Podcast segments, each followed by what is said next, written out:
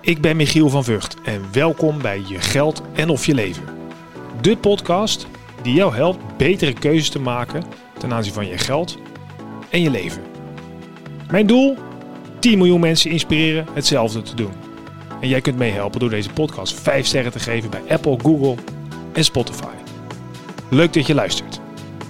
Deze podcast is overigens mede mogelijk gemaakt door NNK Vermogensbeheer.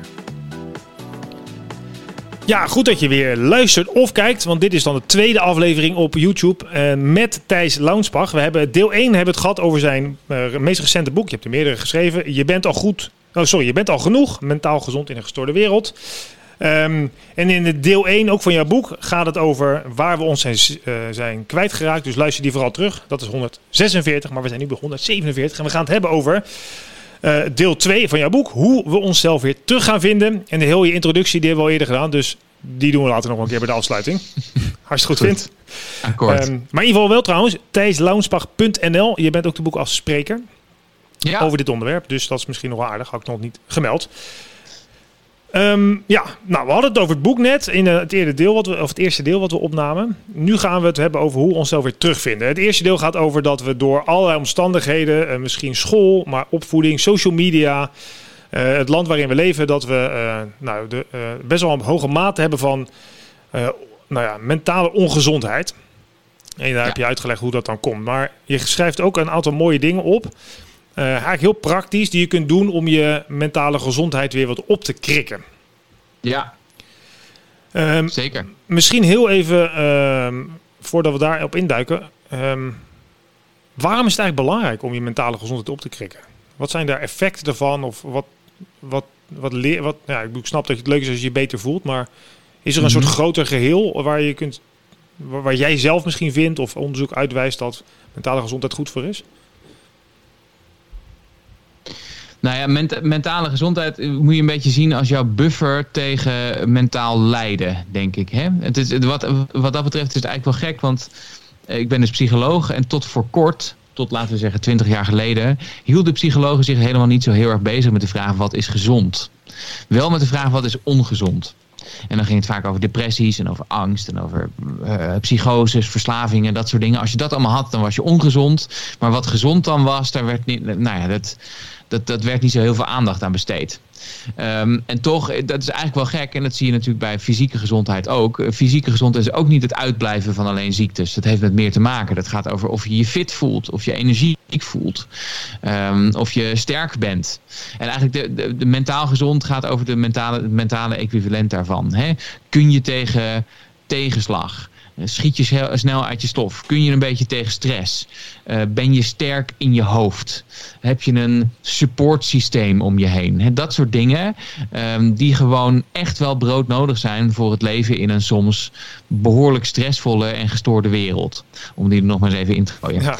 Uh, dus dat, ik denk gewoon dat je het nodig hebt om, om, om gezond te zijn in deze wereld. Dat er ook een onderdeel, dat, dat mentale gezondheid en alles wat daarmee ma te maken heeft, um, ook een belangrijk onderdeel van is.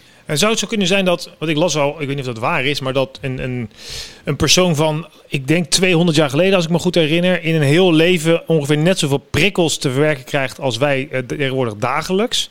Ja. Ik weet niet of dat helemaal klopt en of dat überhaupt uh, uit te rekenen is, maar ik, de, de context is wel helder, denk ik, dat we veel meer uh, prikkels krijgen. Zou dat ook zorgen dat we dus misschien ja, lastiger dat allemaal kunnen verwerken en daarmee minder gelukkig kunnen zijn of zo?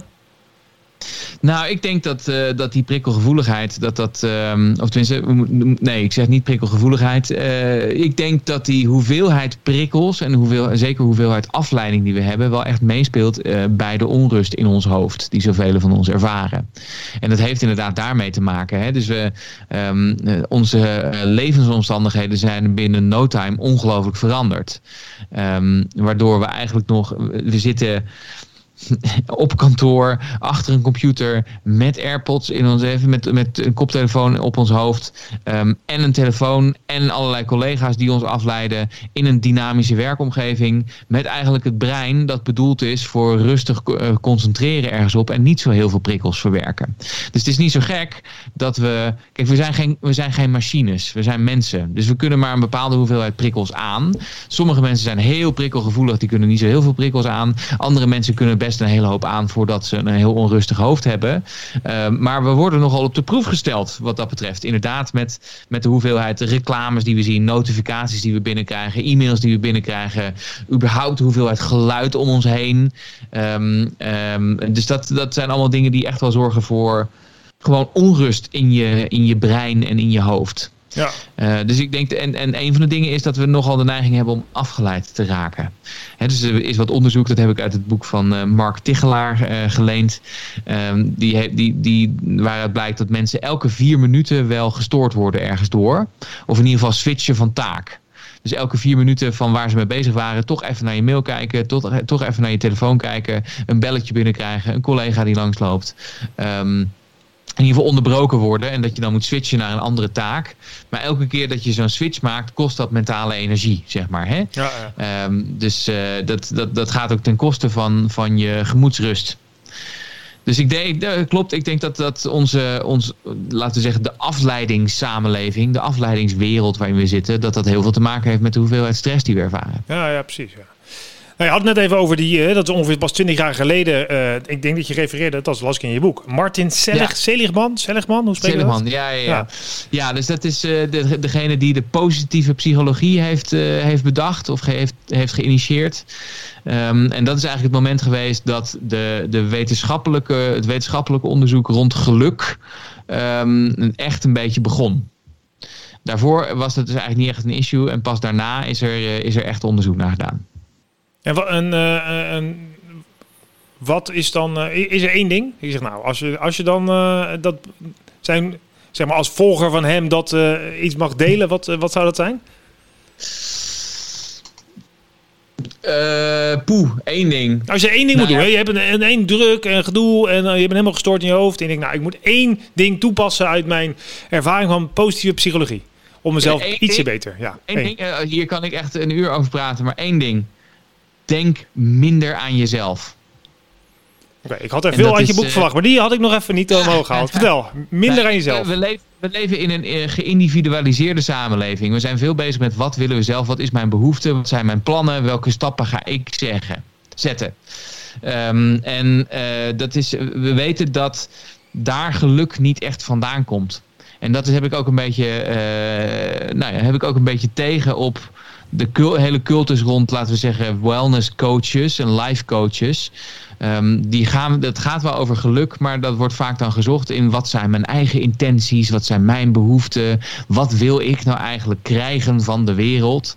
He, vaak ook letterlijk, he, vanuit het idee van manifesteren. Van als ik nou maar wat ik wil krijgen van de wereld met mijn brein in het universum stuur, dan krijg ik het automatisch terug. He, dat, dat soort ideeën. Terwijl gelukkig zijn gaat over de, uh, en zeker tevreden kunnen zijn met je leven en in je leven, uh, gaat helemaal niet zoveel over wat jij kunt krijgen. Het gaat veel meer over wat je kunt geven. En uh, met, het gaat veel meer over met iets bezig zijn waarvan je de zin in ziet. Hè? Wat je, ehm, waarvan je het idee hebt dat het iets doet in de wereld. En nadenken over wat je voor andere mensen kunt doen. Uh, met andere woorden gaat veel meer over wat je kunt geven aan de wereld. Wat je kunt bijdragen. Dan wat je van de wereld kunt krijgen. Ja, de betekenis uh, geven aan je leven. Daar, dat, daar schrijf ja. ik over, ja. Zeker. Ja, ja. Ja. ja, dus het is gewoon on ongelooflijk belangrijk, zeker ook bijvoorbeeld in je werk, dat je het gevoel hebt dat je iets doet dat zin heeft. En dat klinkt misschien super logisch, maar je kunt je niet voorstellen hoeveel mensen dat niet hebben. En die vastzitten in een bullshitbaan. dat is uh, die term van David Graeber. Uh, je hebt een bullshitbaan als je zelf niet helemaal de, de, de, de zin ziet van je baan. En hij geeft zelf fantastische voorbeelden van mensen die um, uh, op het secretariaat werken van een organisatie waar nooit iemand naartoe werkt. belt bijvoorbeeld. Hè? Of mensen die al jaren stukjes aan het, aan het copywriten zijn voor een blad dat uiteindelijk niet blijkt te bestaan of zoiets. Hè? Dat, is, dat is van dat soort fantastische ja. voorbeelden. Uh, en mensen moeten natuurlijk zelf maar even bedenken van heb ik zelf een bullshitbaan. Uh, maar als je je werk doet alleen maar om het geld... En niet omdat je, iets, uh, omdat je iets met de wereld wil doen of omdat je een bijdrage wil leveren of een bijdrage kunt leveren met je baan, dan word je daar verdomd ongelukkig van. Maar zou dat ook niet zijn van een soort van een soort leeftijd of zo? Dat op het moment dat je ouder en misschien per, niet per se, maar misschien wijzer wordt. Dat je denkt, nou ja, is dit het nou? En dan krijg je 30 dilemma en dan koop je een Harley of dan ga je nadenken over, uh, weet ik veel. Ja, ik denk het wel. En het is, ik denk dat dat vaak ook over. Je, je noemt het dertigers dilemma. Ik heb, ik heb veel gesprekken gehad met Nienke Wijnands, die dat boek heeft geschreven ooit. Ehm, eh, en die, die heeft het vrijwel uitsluitend daarover. Dus op een gegeven moment Weet je, je bent in het begin van je carrière ben je bezig met doelen bereiken en met je laten zien wat je kan en jezelf op de proef stellen en um, leuke collega's en een beetje hè, dus de concurrentiestrijd aangaan en op de, op de apenrots klimmen en zo. Uh, totdat je op een gegeven moment erachter komt van shit, dit is niet waar ik een voldoend leven vandaan krijg. En veel mensen hebben daar een enorme crisis voor nodig. Hè. Die moeten in, door een burn-out gaan, of die raken helemaal verstrikt ergens in, of die gaan failliet, uh, of die, er gebeurt iets anders waardoor, waardoor ze zich die vragen pas gaan stellen. Um, en dan op een gegeven moment kom je tot inzicht en denk je, shit, het gaat dus helemaal niet om geld en om macht en om status. Het gaat om hele andere dingen. Ik gebruik zelf in mijn lezingen wel als het voorbeeld. En ik, ik maak hem altijd een beetje simpel. Maar misschien ken je ook wel. Er is een onderzoek gedaan voor mij in Engeland. Er worden mensen in een hersenscan gelegd. En dan uh, uiteindelijk stel ik aan die, aan die zaal die vraag van... Nou, denk eens na aan de, de, het laatste kledingstuk. Of het kledingstuk dat je een jaar geleden hebt gekocht voor het seizoen dat er aankwam. Mm. Nou, dan zie je mensen mijn schaap achteraan kijken en denken, uh, weet ik veel, uh, heb ik iets gekocht? Pff, zal wel, weet je wel. Dus niemand heeft ja. een kippenvelmoment van die winterjas of die zwembroek. Als ik dan zeg, nou, denk eens aan een moment dat je met iemand was op een mooie plek. Dat kan thuis zijn op de bank, in een bos, op het strand, maakt niet uit. Mag ook meer dan een jaar geleden. Waar je denkt, oeh, dat was bijzonder. En dan zie je de tranen schieten bij de meeste mensen natuurlijk in de ogen. Want dat kan iedereen zich voorstellen. En dat blijkt voor mij ook uit het hersenonderzoek. Dus dat iedereen uiteindelijk wel weet ergens... Van, ja, het gaat om een mooi gesprek met iemand die ertoe doet. In ieder geval meer dan dat ik maar weer laat zien dat ik een nieuwe winterjas heb. Terwijl wat doen we heel vaak, gek genoeg onze motherfucking hard kapot werken om maar die winterjas te kopen. In plaats van een dagje minder werken, die winterjas laten. En gewoon met jou een keer door het bos gaan lopen. Gek is dat toch? Het is heel gek. En dat, dat, dat, als ik dan toch nog een ander ding mag noemen wat uit het geluksonderzoek komt, is dat we vaak niet helemaal goed kunnen inschatten wat ons gelukkig maakt. Uh, dus we hebben soms het idee dat we gelukkig zullen gaan worden van dingen waar we eigenlijk helemaal niet zo gelukkig van worden. Zoals de ware tegenkomen of je droombaan vinden. Of um, een strakker lijf bereiken in de sportschool. Uh, of um, een mooie nieuwe auto kopen of een mooie nieuwe telefoon kopen. Waarvan iedereen ook wel ergens weet in zijn achterhoofd. Ja, daar ben je dus twee weken ben je daar heel erg blij mee. En daarna ben je het weer vergeten, zeg maar. Hè? Toch zijn dat de dingen die eigenlijk voortdurend tegen ons gezegd worden over geluk in onze maatschappij. Hè? Je moet je doelen behalen, dan ben je er. En dan heb je wat een fantastisch mooi leven heb je dan, zeg maar. Hè? Dan ben je volmaakt gelukkig. Maar het lastige aan dat soort dingen is, zodra je die doelen dan bereikt hebt, heb je alweer nieuwe doelen voor jezelf geïdentificeerd. En misschien ben je een dag of een week ben je tevreden, maar vervolgens denk je, oh, nou ik ga nou weer daarheen, want dat wordt het volgende, zeg maar. Um, dus dat zijn de dingen waarvan we denken dat we ervan gelukkig worden, maar dat is eigenlijk niet per se zo. En zelfs, hè, dus ik had het, een beroemd onderzoek in mijn boek uh, um, uh, aan. Waaruit blijkt dat zelfs bijvoorbeeld de loterij winnen, een miljoen winnen in de loterij. Uh, Dat je daar echt, dat je daar misschien een paar maanden best wel blij van bent. Maar dat gaat, gaat je leven niet um, stelselmatig beter maken, zeg maar. En maakt je ook niet stelselmatig gelukkiger. Want je went weer aan nieuwe dingen. Wat maak je dan? Is er dan iets wat, wat je wel. Ja. Nou, daar, daar praat ik nu naartoe. Kijk, kijk, kijk, ja, sorry. wat, uh, wat zijn nou een aantal dingen? Ja, en weet je, ik ga toch een beetje gezapig klinken. En sommige van die dingen zal je al weten. En zeker ook als, als luisteraar, denk ik. Maar een van die dingen is regelmatig je de vraag stellen waar je dankbaar voor bent. He, want dankbaarheid is een van de meest positieve emoties die je kunt oproepen bij jezelf. En het is ook nog eens een hele sociale emotie natuurlijk. Dus nadenken over wie, wie of wat ben ik nou dankbaar dat ik hier vandaag zit. Of dat ik dit kan doen. Is een hele positieve manier. Is is een manier om uh, een heel positief gevoel op te wekken bij jezelf. Een heel dankbaar gevoel. Dus dat is één. Een andere is um, ja, wat ze noemen savoring. Hè? Dus echt genieten van ervaringen of van herinneringen. En dat kan je natuurlijk doen op het moment zelf. Door heel erg bewust bezig te zijn met, een, met iets heel lekkers dat je eet. Of een hele leuke uh, ervaring die je met vrienden hebt of zo.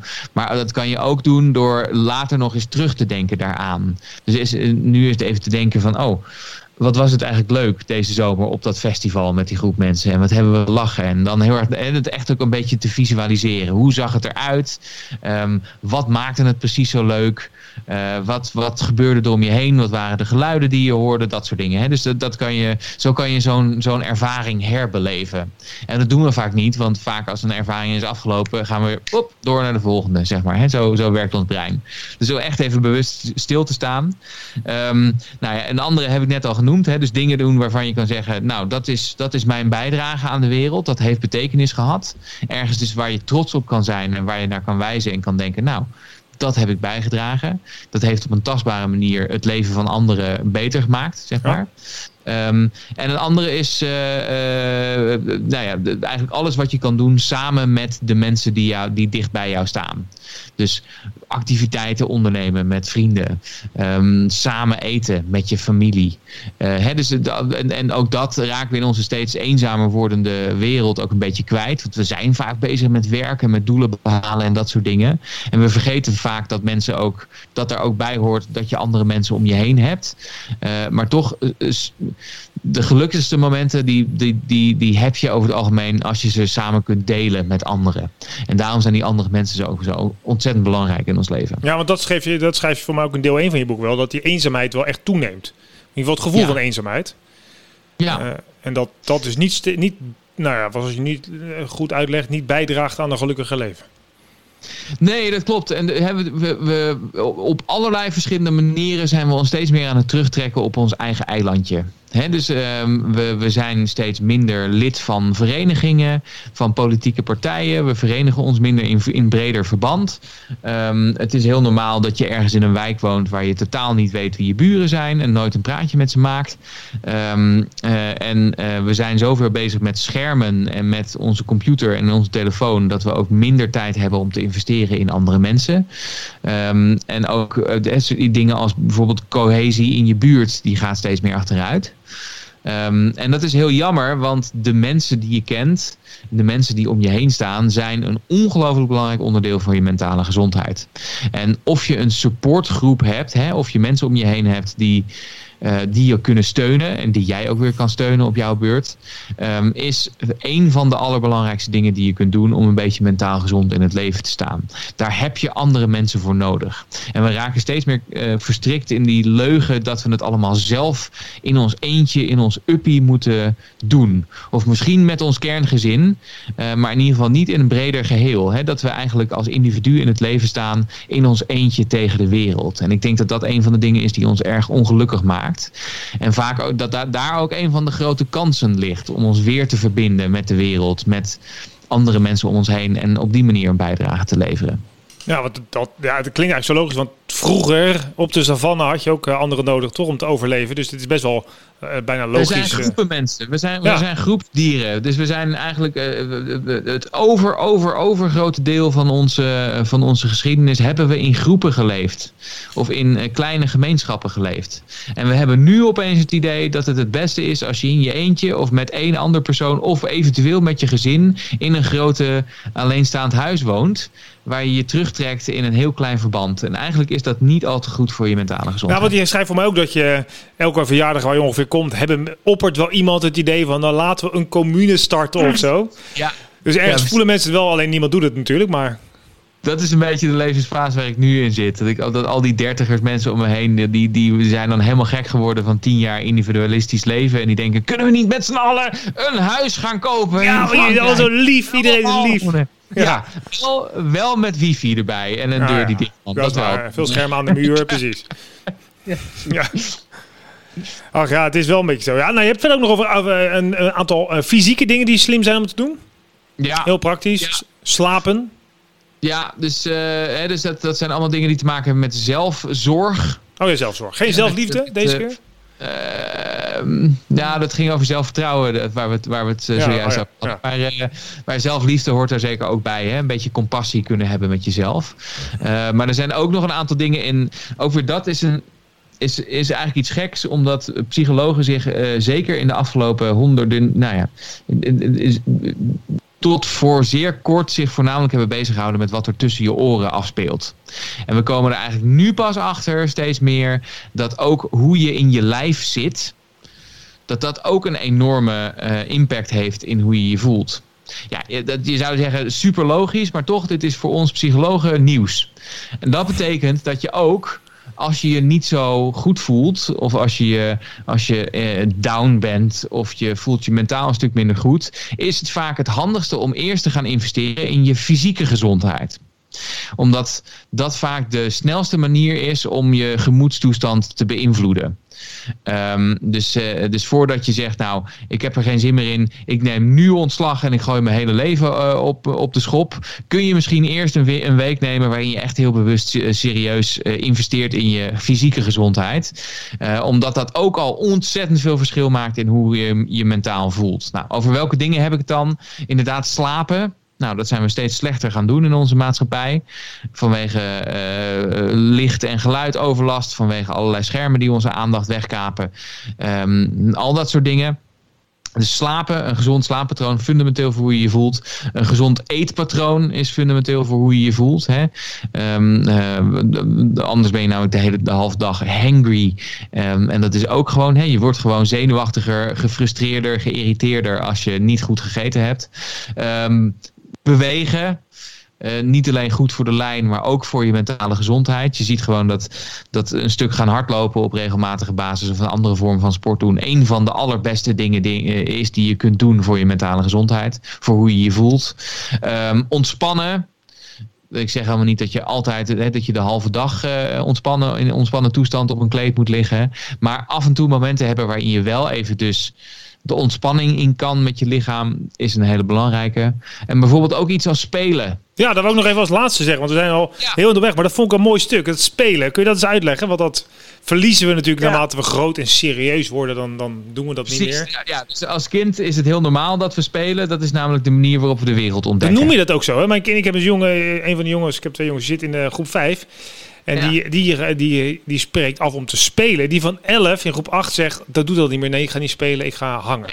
Het is niet stoer. Het is niet stoer. dus... Dat is een beetje het probleem van ons uh, volwassen mensen. Want uh, we hebben op een gegeven moment dan uh, een moment dat we denken: oh, spelen is niet stoer. Dan kunnen we beter. En we boven moeten we heel erg ernstig zijn en respectabel. En we moeten onze doelen behalen. En met je, ga je met je hoofd allerlei dingen van elkaar boksen en zo. Um, en dan vergeet je dat je als volwassene ook een beetje spelen af en toe nodig hebt. Momenten dat je even niet zo serieus hoeft bezig te zijn. Dat je niet doelmatig bezig hoeft te zijn. Uh, maar dat je gewoon iets leuks kunt doen omdat het leuk is om dat ding te doen. Of het nou theaters. Hè, dus veel mensen doen improvisatietheater bijvoorbeeld hiervoor. Hè, dus ook een manier van spelen. Of het kan een teamsport zijn. Of het kan uh, stoeien met je kids zijn. Hè, wat dan ook. Of een bordspel doen met, met vrienden. Um, allemaal dingen die ook heel belangrijk zijn voor hoe je je voelt. Um, en die je ook echt nodig hebt, zou ik zeggen, als mens. Om af en toe even uit je denkhoofd te gaan. En gewoon iets leuks te doen. Um, ook onderdeel van, van goed voor jezelf zorgen, zou ik zeggen. En heeft dat ook dan te maken dat dat, dat soort dingen is? Gezond eten, bewegen, slapen en spelen ook daarmee weer stofjes aanmaakt. Dus die je dan een beter gevoel geven. Minder cortisol, minder adrenaline, meer endorfine. Of staat dat daar nog helemaal ja, los van zelfs? Zeker heeft het daar, daar heeft het absoluut mee te maken. Hè? Dus uh, door, door te spelen maak je dopamine en serotonine aan. Uh, voornamelijk uh, de, de, de, de, de, de plezierstofjes. En zeker als je dat doet samen met andere mensen. Um, dus dat heeft ook een fysiologisch effect, zeker. Ja, precies. Nou ja, we kunnen hier nog uren over doorpraten, maar in principe is mijn idee om altijd ongeveer twee keer 25 minuten te doen. En dat uh, nou, ja. zijn we zo'n beetje. Um, maar um, wat niet onbelangrijk is, en waar ik dus niet echt heel op, erg op ingaan, maar het is echt aan te raden om het boek te lezen. Want ook in uh, hoofdstuk, of deel 3 gaat het over hoe het systeem veranderen. En jij wilde dit niet alleen maar van, joh, hier lees mijn boek. Maar je wilde ook echt wat in bijdragen. Misschien de, betekenis ja. geven aan je leven waar het net over had. Zodat we hier, nou ja, dat we het allemaal wat meer gaan doen. Dus daar staat een aantal uh, nou, mooie pleidooien in. Uiteindelijk met de conclusie om radicaal mens te zijn. Dat klinkt dan misschien weer zo heftig, maar dat is, zo is het helemaal niet opgeschreven. Dus alleen nee. al daarom is een reden om misschien het boek te lezen, weer niet? Ja, ik, ben het, ik kan het daar natuurlijk helemaal mee eens zijn. Maar, maar het klopt. Dus het derde deel gaat. Uh, waar, waar het, tweede deel van het boek heel erg gaat over wat je zelf kunt doen in je eigen leven. Gaat het laatste deel juist ook over de politieke kant hiervan. Want ik denk ook mentale gezondheid is iets wat onze maatschappij ook moet ondersteunen. Er ligt ook. Ik denk dat politiek zich bijvoorbeeld moet inzetten voor een mentaal gezondere samenleving. En meer preventie bijvoorbeeld. En er, moet een vak komen over veerkracht op school, vind ik. Uh, en ook uh, werkgevers kunnen meer doen om te zorgen dat werknemers uh, en dat, dat werkenden uh, zich beter voelen op hun, hun werk en minder afgeleid worden. Het zijn ook allemaal dingen die meer met de maatschappij te maken hebben. En inderdaad, het eindigt dan met een soort, uh, soort hartekreet die gaat over radicaal mens zijn. Um, en de radix is in het Latijn wortel. Hè. Dus volgens mij moeten we terug naar onze wortels als mens. Dus minder scherm, meer verbinding met anderen, meer betekenis, uh, beter slapen, meer bewegen, beter eten, meer spelen. Um, um, snappen dat, dat we niet perfect hoeven zijn als mens. Um, en iets, kunnen, iets vinden wat je kunt bijdragen aan de wereld. Ja, fantastisch. Mooie afsluiter Thijs. Onwijs bedankt voor je ja. tijd. Uh, jullie bedankt voor het kijken misschien uh, en voor het luisteren. Um, je kunt het boek dus winnen. Je bent al uh, genoeg. Nou, je kunt niet zelf winnen. Je mag het weggeven aan iemand anders. Stuur mij een berichtje. michielvanvugt.com V-U-G-T. Kun je me een WhatsApp sturen of een mail. En dan uitleggen waarom jij vindt dat iemand anders dat boek uh, verdient. Koop hem lekker zelf. Uh, zou ik zeggen, absoluut een aanrader via bol.com, Bruna, weet ik veel, overal waar. ThijsLaunsbach.nl lokale onafhankelijke boekhandel. Ja, is beter nog. Shop lokaal. Uh, je kunt Thijs ook inhuren voor uh, spreken en presentaties op uh, thijslaunsbach.nl. En subscribe je voor mijn YouTube kanaal en dat soort dingen allemaal. Thijs, nogmaals dank. Hartstikke leuk, graag gedaan. Bedankt voor het luisteren. Fijne dag verder.